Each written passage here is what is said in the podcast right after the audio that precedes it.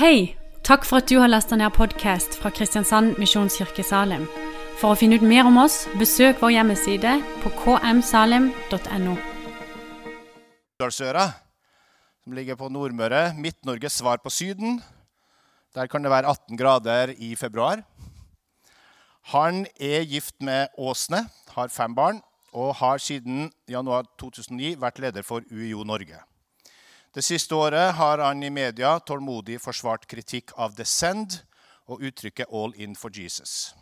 The Send er et samarbeidsinitiativ hvor fokuset er å aktivere mennesker til å dele evangeliet der hvor Gud sender dem. UiO er Ungdom i oppdrag er primus motor sammen med 30 andre organisasjoner her i Norge. Og Send går i gang den 25. juni i Telenor Arena i Oslo. I kveld er overskriften om å gå all in. Ta varmt imot Andreas Nordli.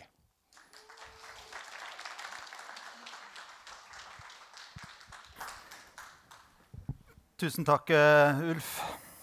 Vi skal snakke om å gå all in. Og jeg har lyst til å si før vi med en gang at jeg har gått all in hele livet. Og, og, og jeg lærte ikke det i kirka. Det var ikke der jeg lærte. Jeg lærte et annet sted. Og da skal jeg fortelle en historie. Fordi at eh, Da jeg var 15, da var det en plakat på ungdomsskolen. Noen hadde hengt opp en, og Det var en plakat av et stort rør. Og Ut av det røret så rant det grønn væske. Og Ved siden av det røret så satt det en ung mann med brune krøller og hockeysveis. Og, eh, og han peka på den grønne væska som rant ut av røret. Og så var overskriften 'Sur nedbør'. Og så sto det under 'Hvis ikke nå, når? Hvis ikke du, hvem?' Redd jorda, natur og ungdom. Så da, her må, nå, nå må vi redde jorda. Så jeg gikk all in for å redde jorda. Og det gikk så langt at eh, vi hadde konkurranse om å skrive leserinnlegg i lokalavisa. Og der jeg kommer fra, på Indre Nordmøre, der har vi to lokalaviser. Eh, så det var for å si det slik, det ble masse leserinnlegg. Vi var, gikk i demonstrasjonstog på Dovrefjell husker jeg en gang. eh, eh, og jeg husker at eh, det var andre gangen jeg brukte konfirmasjonsdressen min. da var jeg blitt 16, og jeg hadde nok vokst bitte lite grann siden jeg var 14 og konfirmant. Um, og, og, håret var langt. og, og, og jeg, jeg, trengte nemlig å komme meg inn på et møte jeg ikke var innbyden til å komme inn på. Og da trengte jeg nemlig en dress, for jeg trodde at da skulle jeg gå liksom under radaren. For alle andre på det møtet hadde dress. Det var på ærverdige Alexandra hotell i Molde, i Storgata. Selveste hotellet med stor H i Møre og Romsdal. For der hadde Statoil, som det da heter på den tida, hadde da lansering av et framtidig gasskraftverk. Og jeg, 16 år, Andreas fra Sunndalsøra, hadde bestemt meg for at dette skal vi stoppe. Så Da måtte jeg ha på meg dressen for å komme inn på det møtet som jeg ikke hadde innbydelse til. For der kom jo da Olje- og energidirektoratet sine ledere, eh, NRK, TV 2 og selveste oljeministeren. Så jeg sneik meg inn tre-fire timer før møtet skulle begynt, og gjemte meg i en krok sammen med eh, eh, en annen person som òg hadde på seg konfirmasjonsdressen sin. og så idet eh, møtet skulle begynne, og, og i, i, i, det møterommet så sprang vi gjennom salen. Og idet olje- og energiministeren skulle gå fram, så gikk vi fram og så tok vi mikrofonen. Og så presenterte jeg meg og sa at hei, jeg heter Andreas Nordli, og vi er mot gasskraftverket. Og så hadde vi da pugga fire setninger hver, som vi da skulle si. Så vi hadde jo venta at da ville vi bli stoppa, så vi hadde bare pugga fire setninger hver. Men det var ingen som stoppa oss. Så da sto vi jo der. Takk for oss, sa vi. Og så gikk vi. Og så uh, gikk vi da ut, og så kom direktøren i Statoil etter oss og sa det til oss. Veldig, veldig hyggelig type. Han sa at ja, hadde dere spurt om å bli invitert, så kunne dere fått blitt invitert og holdt litt innlegg. Sånn. Men nå var det litt seint, da. Men det var noe så. Men, så vi har alltid gått all in. Men, eh, men, men da jeg var 17, så, så, møtte jeg Jesus sånn skikkelig. Jeg ble sånn skikkelig ivrig kristen. Jeg ble så ivrig kristen at jeg tror vennene mine syntes det var litt ubehagelig. Og eh, jeg gikk fra å redde verden til å skulle redde mennesker. Og vi slutta med, med, natur og ungdom og begynte i Ungdom i oppdrag istedenfor. Så, sånn gikk den ferden. Men det å gå all in har alltid ligget på en måte latent i, eh, i min personlighet, kanskje. Og eh, jeg tror første gangen jeg huska hvor jeg lærte at det var viktig å være helhjerta For det er jo egentlig det det her handler om. Å være helhjerta og tro helhjerta på det du driver med. Det lærte jeg um, som 15-åring. Da spilte jeg fotball. Og på Sunndalsøra, hvor jeg kommer fra, så hadde vi et fotballag som var ganske bra. Vi, eh, vi, vi hadde liksom ambisjoner om å, om å, gjøre det godt. Og jeg husker som 15-åring ble jeg henta opp på, på, junior, eh, på, juniornivå og skulle spille en kamp som jeg ikke egentlig var forberedt på. Men det var noe greier, og så plutselig så havna jeg på en høyreback. Og motstanderen det var Molde. Og Molde hadde masse landslagsspillere. Og jeg var 15, og han som var på venstrevingen, han var landslagsspiller. Og jeg tenkte med meg sjøl at uh, OK, det får gå som det går. Og vi holdt dem ganske lenge. Var, var, Molde var da på den tida norgesmestere på juniornivå. Og vi var ikke så mye dårligere, men vi var ikke norgesmestere akkurat. Men vi holdt dem til 0-0 til pause. Og i andre gangen så begynte måla å renne inn. Sant, ja. Så det ble seks mål. Imot treneren vår, det var, han heter for Stein Erik. Etternavnet hans er Hegerberg, og han er far til Ada Stoltsmo Hegerberg, som spiller i Paris. Og hvis dere ser hvordan hun er, så kan du, kan du gange faren. Faren er dobbelt så ille. Eller dobbelt så bestemt, om du vil. Jeg husker på første trening etter fotballkampen, da vi hadde tapt 6-0 mot Molde, og jeg hadde spilt min første kamp som 15-åring på juniornivå, så spør Stein Erik ja gutta, hva syns dere. Og det var jo helt stille. Og jeg kjente jo ikke han, for jeg var jo akkurat liksom bare henta inn. Og det var ingen som sa noe. Så jeg tenkte at nå må noen ta ansvar her da, og si noe. Så jeg sa jo noe. jeg da. Så da sa jeg det at ja, han var jo landslagsspiller, han 19-åringen jeg spilte mot. da. Jeg vet ikke om du har opplevd det, men du er i et rom, og så sier du noe dumt. Men du vet ikke hva du har sagt. Du bare kjenner at følelsen, altså atmosfæren i rommet endra seg. Det var det som skjedde da. Og da gikk herr Hegerberg opp til meg. Og han er jo litt høyere enn hva jeg da var som 15-åring sikkert enda. Og så så han ned på meg, og så satte han fingeren i magen på meg. Og så sa han det at du skal aldri i mitt liv spille en kamp for mitt lag igjen med sånne holdninger. Da forsto jeg at uh, han var helhjerta. Men det var altså ikke i kirka jeg lærte det å gå all in. Det var andre plasser. Men eh, vi gikk for å Jeg slutta med fotball fordi det var noe som var viktigere. Og jeg slutta med miljøvern, for det var noe som var viktigere. tenkte jeg. Hva er historien til dette begrepet 'all in'? som Hvis du har lest både 'Korsets seier' og 'Vårt Land' og 'Dagen' og 'Norge i dag', og de her avisene, så har du sikkert fått med deg at det har vært en del skriverier. Jeg tenkte jeg skulle fortelle litt om historien, slik at du får med deg den som vi, begynner å med. Men det begynte med um, mars 2020. Begynnelsen av mars eller midten av mars. Pandemien hadde akkurat kommet over oss. Og jeg satt med en sånn magefølelse av at um, det her kommer til å vare mer enn to uker. Jeg hadde en magefølelse på at det her kommer til å vare i sju, åtte, kanskje ni måneder. Og jeg satt med en magefølelse av at det her kommer til å bli nedstengning, det her kommer til å bli isolering.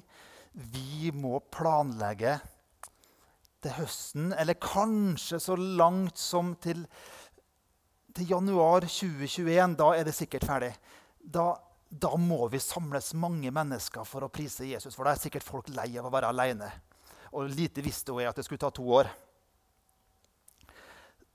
Det var det første jeg tenkte. Samtidig så fikk jeg tilsendt noen sånne gamle videokassetter. Ifra, ikke kassetter, jeg fikk dem digitalt, for de var omgjort fra kassett til digitalt format helt tilbake til 1985. Kjempelenge siden. Fra et stort kristent møte i Danmark. I Randers. Det var 9000 stykker der, fikk, ble fortalt seinere. Og så, Og det er flere forkynnere som forkynner på denne konferansen. Og det var en sånn det slo meg. Det var så enkelt. Og det var så enkelt. Det, vil si, det var ikke overflatisk, for det var, det var, på en måte substans i det. Men det var på en måte så enkelt, for det handla egentlig Alle talerne snakka om to ting. For det første så sa de 'Kom til korset og få liv'. Det er jo der vi får liv. Kom til korset og få liv. Og Så sa de en ting til. Kom til korset og legg ned ditt liv. Det var på en måte, De snakka om to veier til korset. Kom til korset og få liksom ny identitet og få din synd oppgjort. og, og Barnekår og alt det der. Veldig enkelt, med substans. Og så var det kom og dø. Kom og få, og kom og dø. Få liv, og legg ned ditt liv. Og det slo meg hvor, hvor enkelt det var. Og det var en som, som, som kalte de her 9000 stykkene de kalte dem som Hvem vil si ja til Jesus før du veit hva han kaller det til? Før du veit hvor, vil du si ja. Før du veit hva, vil du si ja. Før du veit når, vil du si ja. Så jeg satt jo der, og det var en som snakka om Europa. Og jeg, jeg, Pandemien var jo over, og jo liksom, det var hjemmekontor og hjemmeskole. og alt som var hjemme, sant? Ja, Jeg hadde jo soverommet, og jeg hadde jo prøvd å ha hjemmekontor på soverommet. for det var eneste plassen jeg kunne være alene. Uh, jeg lå jo på, så denne talen om å si ja til hva som helst, hvor som helst og gå når som helst. Før vi visste hva det innebar. Og jeg var ned på kne alene der på soverommet og gråt en skvett. Jeg som ikke har grått siden jeg gikk i barnehagen. Nesten så jeg en gang til, ned på kne igjen og gråt en skvett til. Og så sier jeg Jesus ja. Og så slår det meg at det var jo veldig mange mennesker. Og må, så slår det meg vi må forkynne det samme når pandemien er over. Vi må kalle mange mennesker til det her enkle budskapet om kors. Få liv og gi ditt liv så hadde jeg hørt om Descend, som var i, Orlando i Florida i, i 2019. De samla 50 000 eller hva det var, på en stadion. Og, og, jeg hadde sett på noe av det. Jeg hadde sett Det var egentlig det samme budskapet. Veldig enkelt og veldig radikalt. Og så hadde jeg hørt historien om, om Descend i, i Brasil i februar 2020. Jeg hadde hørt historien om hvordan de med én Instagram-post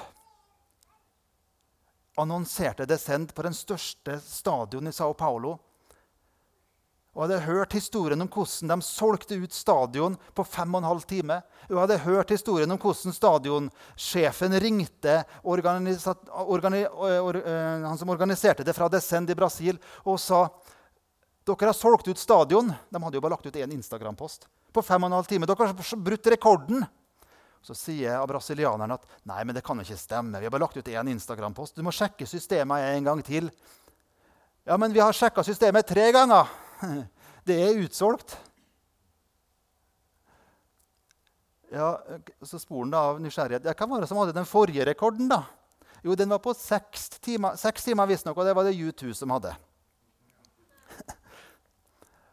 og så hadde jeg sett på videoene og så tenkte jeg, det, her, her det, det, det, er et enkelt evangelium. Et enkel, enkel kallsforkynnelse og det minner meg om den samme som jeg hadde lest i bøker om kristne kinamisjonærer. Det, var, det minte meg om det jeg hadde lest om Asbjørn Aavik. Hvis du er under 50, så har du sikkert ikke hørt om Asbjørn Aavik. Er du over 50, så har du hørt om han. Asbjørn Aavik som skriver boka 'De venter', og Asbjørn Aavik som skriver boka 'Hellig uro', som var en pionermisjonær i Kina. Det var jo det samme budskapet. Så må vi bare gjøre det. Så sendte jeg en e-post til Ungdom i oppdrag i, i, USA og kompisen min der som var med å lede Descend. Og så sporer jeg ganske enkelt hva må til for at vi skal kjøre Descend i Norge når pandemien er over. Så fikk jeg ganske umiddelbart et svar tilbake med to spørsmål. Første spørsmål er tar dere økonomisk ansvar. ja, ja, sier jeg. Det går bra. Spørsmål nummer to hva er den største arenaen i Norge? Ja, Det er jo Ullevål, tenkte jeg, men det kan jo regne i Norge. Så ok, Telenor Arena er den største innendørs. Er vi safe for været? slipper vi å bekymre oss for det. Så jeg sendte en link tilbake og sier ja, vi, vi, vi, vi tar økonomisk ansvar. Her er den største innendørs arenaen. Vi, stoler ikke på været her. Og så spør han ja, hvor mange tror du at du kan samle. Nei, jeg veit ikke, svarer jeg tilbake. Kan, jeg kan jo ringe til noen venner som leder. Jeg kan jo ringe til laget og til NLM Ung og til Pinse Ung og, og Misjonskirka Ung. Og så kan vi høre Get Focused og Impuls. Og kan vi nå se om vi kan gjøre noe i lag. Så 7000-8000 kanskje på en god dag. Ja, nei, men vi må, vi må fylle den stadionen, sier han, hvis vi først skal gjøre det. Ja, ja, ja sier jeg. Vi, men så sier jeg nå det at men, men vi har bedt til Gud. Det skal vi gjøre.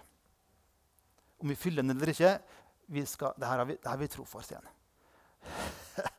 og jeg hadde jo da ringt sant, ja, til de her lederne for laget og, og NLM og Indremisjon og, og, og, de her forskjellige. Og, plutselig før jeg visste ordet av det, så var det 15 organisasjoner som sa ja, det skal vi være med på. Det er enkle budskapet om kors og, og misjon. Og så gikk jo tida, og så utvikla vi og jobba med strategier. Og, og, så måtte vi ha et motto. Og mottoet i USA Det, det passa egentlig ikke i Norge, for mottoet de brukte i USA, var We declare war on passivity and inactivity. Så det passa liksom ikke helt til Norge. Så Da hadde det i hvert fall blitt diskusjoner på Bergen vi brukte. Så, så vi sa vi må ha liksom et norsk motto. Og så ringte jeg til en sånn influenser, hvis dere vet hva det er for noe. Som har noen hundre tusen følgere, som eh, tror på Jesus, og som eh, lever helhjertet for Jesus. Og så spor jeg liksom Kan vi ikke prate litt? Kan ikke du hjelpe oss med det der? Så, jo, jo, jo, så hadde vi en hel dag sammen hvor vi ba til Gud. og Vi hadde en hel gruppe, og vi snakka sammen og fram og tilbake. Og, og så var, så var, hun på meg og sa ja, men hva er, det du egentlig, hva er det du egentlig vil si? Spør hun. Hva er det du egentlig vil si? Og jeg begynte jo å snakke. Sant? Ja, nei, nei, nei, sier hun. Hva er det du egentlig vil si? Og jeg snakka i vei. Og, nei, nei, nei, hva er det du egentlig vil si? Nei, jo, nei det handla jo om korset. Nei, men korset, ja, du, korset er bra, sier hun, men, men By the way, sier jeg, det kommer kanskje noen europeere, også, vi må kanskje ha noe på engelsk. sier jeg. Ja, ok, det må jeg ha noe på engelsk. Ja, Men hva er det du egentlig vil si på engelsk? Nei, vi, vi vil jo egentlig kalle unge mennesker til å leve helhjerta for Jesus og følge Guds kall der Gud måtte kalle dem, om det er til å være rørlegger eller advokat eller lærer eller taxisjåfør eller misjonær. Og, leve hele, Det er egentlig det vi vil. Og så sier hun ja, ja du, vil egentlig, du, vil egentlig, at de skal gå all in. Ja, sier jeg. Ja, ja vi, egentlig, vi, skal egentlig gå all in. Det er egentlig det vi vil. Og så ble det stille i rommet, og så så vi på hverandre. Ja, der har vi det. og så gikk det noen måneder, og så lanserte vi det. Descend. Og så ble det et bråk uten like. Liksom, jeg hadde liksom tenkt med meg sjøl at det var jo litt rart at det skulle bli bråk, for det er jo bare Det er jo det som kristne har gjort i 2000 år. Å si til mennesker at de må følge Jesus. Og så brukte vi her all in-begrepet. Det var jo egentlig Jeg tenker med meg sjøl Turistforeningen. Jeg elsker å gå i fjellet. Turistforeningen snakker 'Meld deg inn, kom deg ut'. Ja,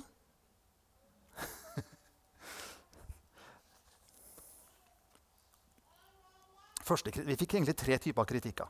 Første kritikken var det her er farlig fordi at noen amerikanere som da var liksom i loopen på Descend i USA, hadde støtta Trump. Og til og med en som hadde nærma seg å kanskje profetere om at Trump skulle kanskje bli president.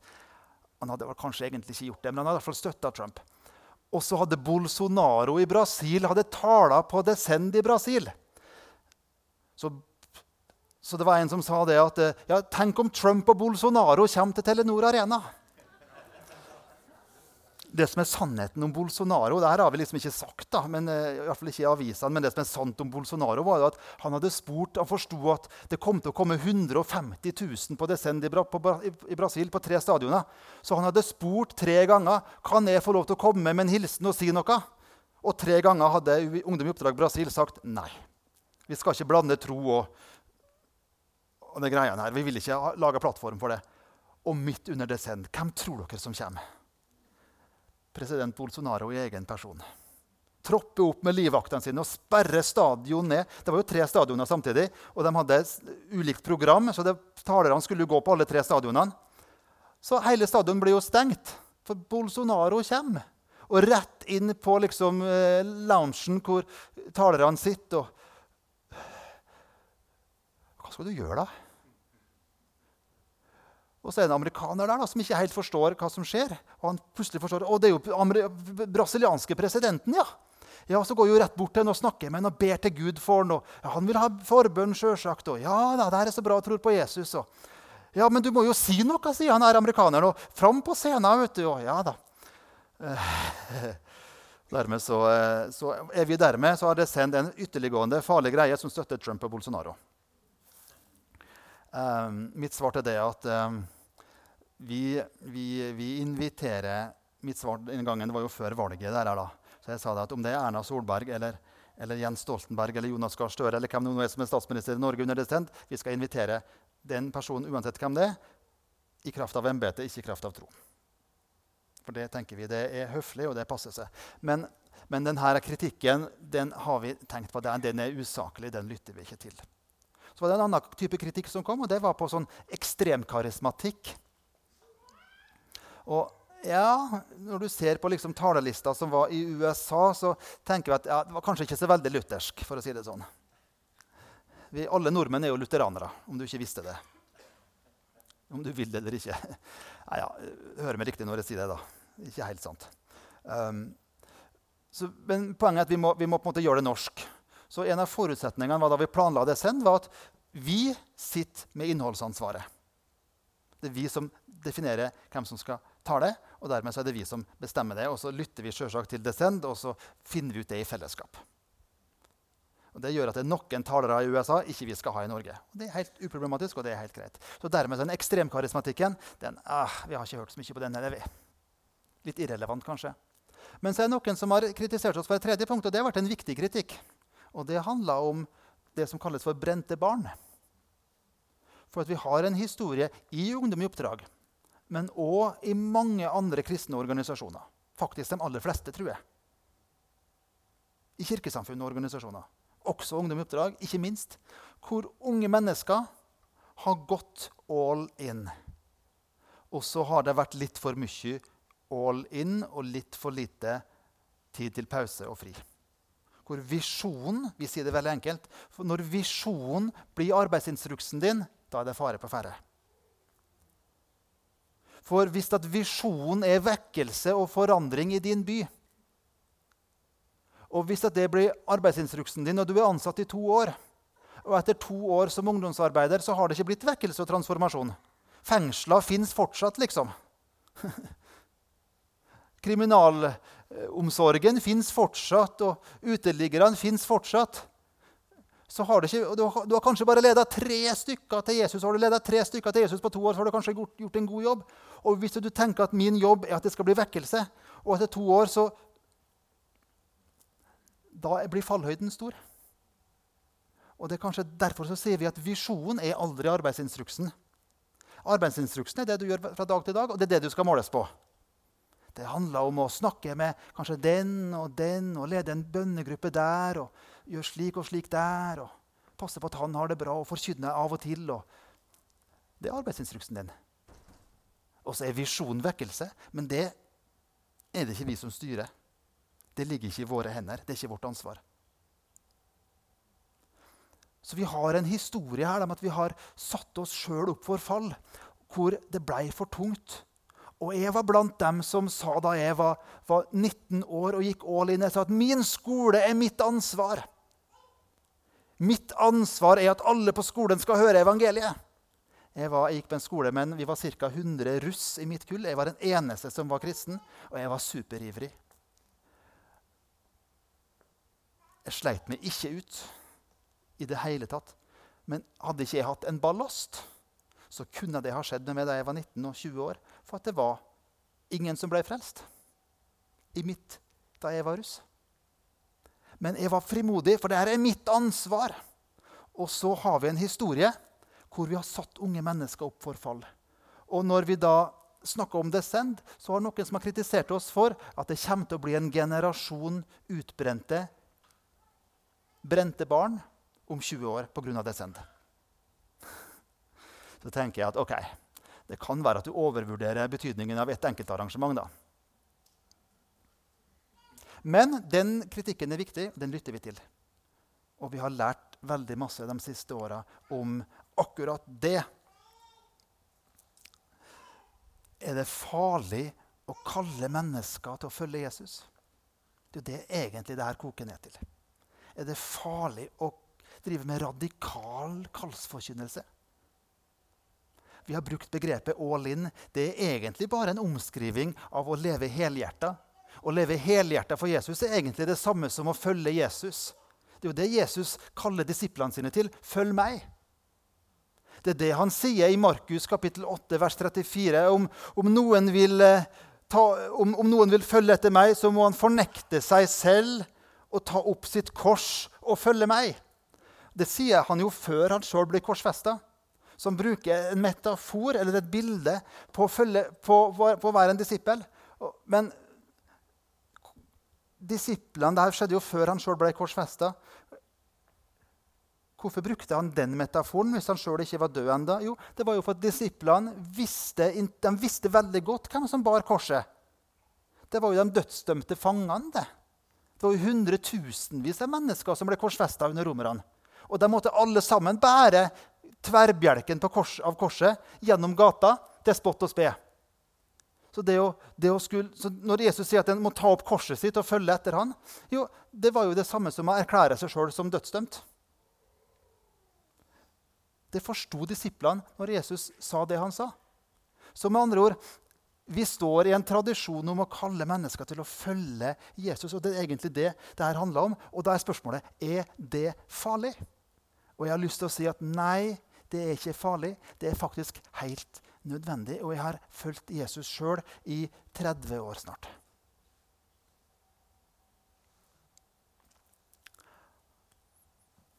I eh, Korsets seier så eh, er det to lederartikler de to siste ukene. Min gode venn Karl Andreas Jahr, som da er redaktør der. Og da mener jeg gode venn. Det var ikke ironisk. Han går i rette med mottoet. Um, han kaller mottoet 'unyansert'. Um, da er mitt svar tilbake til han at ja, et motto er jo unyansert. Det er derfor det er et motto. Skal et motto være nyansert, da blir det ikke et motto lenger. Da blir det en avhandling.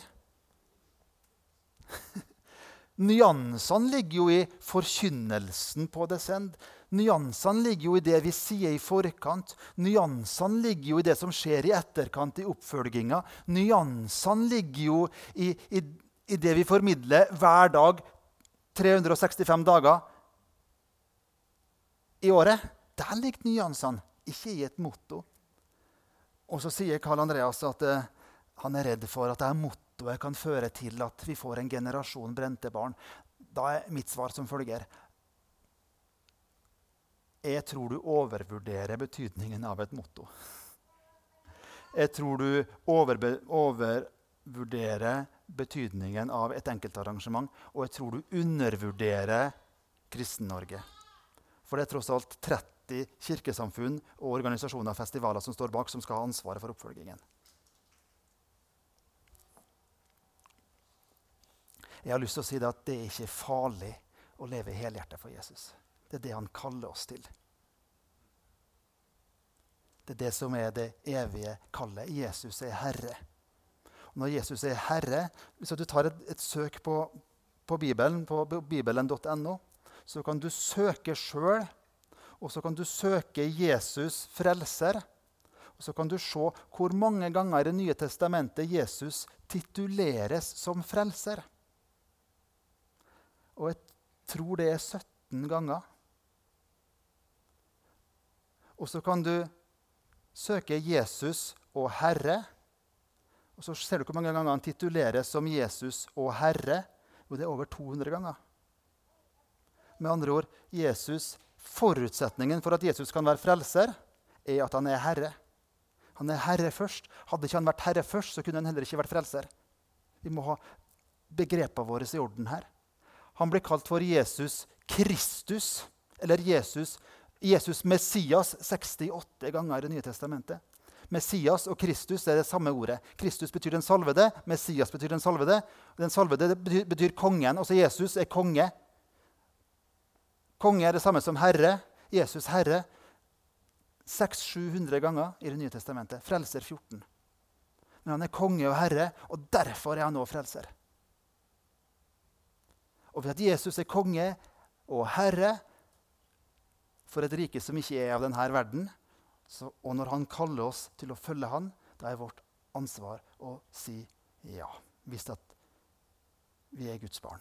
Jeg skal avslutte med en historie som jeg forteller hver gang jeg er i Kristiansand. Hver gang, nesten. For den handler om Kristiansand.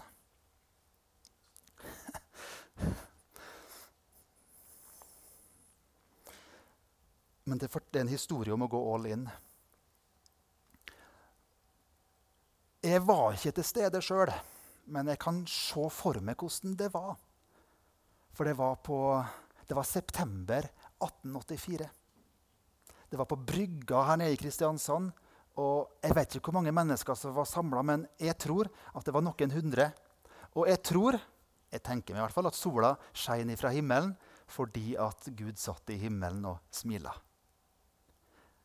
Det var en historisk dag, for det var to unge jenter. Og da sier jeg jenter, for de var 24 år. De skulle sendes til Kina som misjonærer. Anna Jacobsen, Sofie Reuter. Anna Jacobsen, oppvokst i byen, midt i byen i Kristiansand, hadde fått seg jobb hos, uh, hos Theodor uh, Herr og fru Rasmussen bodde i krysset mellom Markens gate og Dronningens gate, der McDonald's er i dag. Der sto det en trebygning som brant ned. Der McDonald's står i dag, der bodde herr og fru Rasmussen. Og oppe på loftet så arrangerte fru Rasmussen kristne møter. Og en dag så arrangerer hun et møte med en engelsk evangelist. John Ratcliffe kommer på besøk. Han var god venn med Hudson Taylor, som var leder for China Inland Mission. Da er vi i, i 1879 eller 1880. Og Ratcliffe forkynner kallet til det indre av Kina om å gå der Herren kaller. På den tida her så var det egentlig uhørt å arrangere kristne møter utafor statskirka. Frikirkeligheten var akkurat, akkurat begynt. Konventikkelplakaten som gjorde det forbudt å forkynne fra Bibelen uten pressens godkjennelse var opphevd bare noen år i forveien. Så at fru Rasmussen arrangerte kristne møter, måtte hun ha fått massiv kritikk for å gjøre. Etter møtet så går unge Anna, ja, Anna Jacobsen på 19 år går opp til fru Rasmussen og så sier hun det at eh, Jeg tror Gud har kalt meg til Kina. For å si det slik det var mange gode grunner som tilsa at det var en veldig dårlig idé. For det første, hun var bare 19 år. For det andre, hun var jente. De hadde ikke stemmerett. Det gikk jo flere tiår før kvinner fikk stemmerett i Norge. For det tredje, Norge var jo en, nærmest en koloni, eh, kanskje ikke koloni, men i hvert fall under, under Sverige. Vi var Norges fattigste land, kanskje. En utkant av utkanten. Vi var et land med bønder, og knapt nok alle som var liksom utdanna, var fra Danmark. Ja, jeg overdriver litt, men ok. Men vi, vi, var på en måte, vi var, vi var en utkant og et fattig land. Ingen fra Norge hadde noen gang reist til Kina som misjonær før. Norge hadde knapt nok sendt misjonærer i det hele tatt. Det fantes én kristen misjonsorganisasjon, NMS, som var etablert noen tiår i forveien. og hadde sendt noen misjonærer. Ingen hadde reist til Kina før. Hun var 19 år, sannsynligvis kanskje bare syv års skolegang. Jobba som tjenestejente. Det var masse gode grunner. Uten, uten, økonomi, utdanning, noe som helst. Fru Rasmussen kunne lett ha sagt til Anna Jacobsen det her, Anna Jacobsen, det her er en dårlig idé. Istedenfor sier hun følgende Ja, Gud har kalt det. Men, sier hun, du kan ikke reise enda, for du må be en bønn, og du kan reise når du får bønnesvar. Og bønna er Lukas kapittel 10, vers 2 Høsten er moden, arbeiderne få. Be derfor høstens herre å drive arbeidere ut til sin høst. Jesus sendte aldri én og én, han sendte alltid to og to. Så du må be til du får bønnesvaret ditt. Slik at du kan reise sammen med en annen person. Anna Jacobsen, 19 år, begynner å be. Så går det tre-fire år. To-tre år går det. Og så flytter det en jente fra Grimstad, Sofie, 22 år gammel, får seg jobb som guvernante hos ekteparet Rasmussen. Da er det nytt møte. Fredrik Fransson er på besøk. Evangelisten, svenskeamerikaneren, forkynner kallet til Kina. Ingen hadde enda reist til Kina som misjonærer. Fredrik Fransson forkynner. Og Sofie Reuter sitter der. Hun var klar over Kina for at hun ble ansatt hos fru Rasmussen fordi hun kunne engelsk. Og en av de tingene fru Rasmussen ville at Anna, eh, Sofie skulle gjøre, var å oversette misjonsbladet til Hudson Taylor til norsk. Slik at Sofie Reuter kunne lese de artiklene fra Kina til hennes barn. Og mens at Sofie Reuter sitter og oversetter de her artiklene, så begynner Gud å jobbe. jo. Og når hun hører Fred Fredrik Fransson forkynne misjonskallet, så sier hun Gud har kalt meg. Og Da er vi tilbake på kaia i 1884. To unge jenter som reiser til Kina. Uten det vi i dag vil kalle for trygg økonomi, uten, det, uten tilstrekkelig utdanning, uten erfaring Ingen hadde noen gang gjort det her. De skulle til England først for å gå på et tre måneders evangelistkurs før de skulle reise til Kina. Sofie Reuter gifter seg med en eh, engelskmann, får et barn og dør ganske fort etter ca. fem år i Kina. Anna Jacobsen reiser inn til det indre av Kina, der ingen europeer før har vært. Starter misjonsstasjoner, planter ny nybrottsarbeid. Mennesker blir frelst må flykte fra Kina under bokseropprøret i 1900-1901, berge livet akkurat, reise tilbake igjen til Kina i 1902-03 og dør i 1911 eller 1914 eller hva det er. Litt over 50 år gammel. Vår historie som kirke har en historie hvor vi kaller mennesker til å si ja til å følge Jesus før vi veit hva innholdet i kallet er for noe. Så spørsmålet er er vi villige til å si ja til å være villig når Jesus kaller. Er vi villige til å si ja til å si 'Jesus, her er jeg, send meg'? Jeg vet ikke hva det er for noe, men jeg er villig til å gå. Og jeg er villig til å bli. Jeg er villig til å bli advokat, jeg er villig til å bli lærer, og jeg er villig til å gjøre det du kaller meg til. Det skal vi gjøre på Descend. Og vi har en tradisjon og en historie. Og realiteten kjære venner, er det at om ikke mennesker er villige til å si ja, da ville ikke vi hatt evangeliet i Norge. Vi ville ikke hatt kristne kirker i Norge om ikke, var, om ikke irske munker var villige til å komme hit, til vikingene, for å forkynne evangeliet. Det er å gå all in for å si det forsiktig. Vi ville ikke ha hatt en kristen kirke her om ikke noen var villig til å ofre livet sitt for å bre ut de gode nyhetene, verdens viktigste budskap. Og Det skal vi gjøre på Descend. Jeg drømmer om en bevegelse unge mennesker som er villig til å si ja til å gå der Jesus kaller. Til nabolag, til samfunnsengasjement og til unnådde folkeslag med evangeliet. Det drømmer jeg om. Og det lengter jeg etter. Takk for at dere hørte på meg.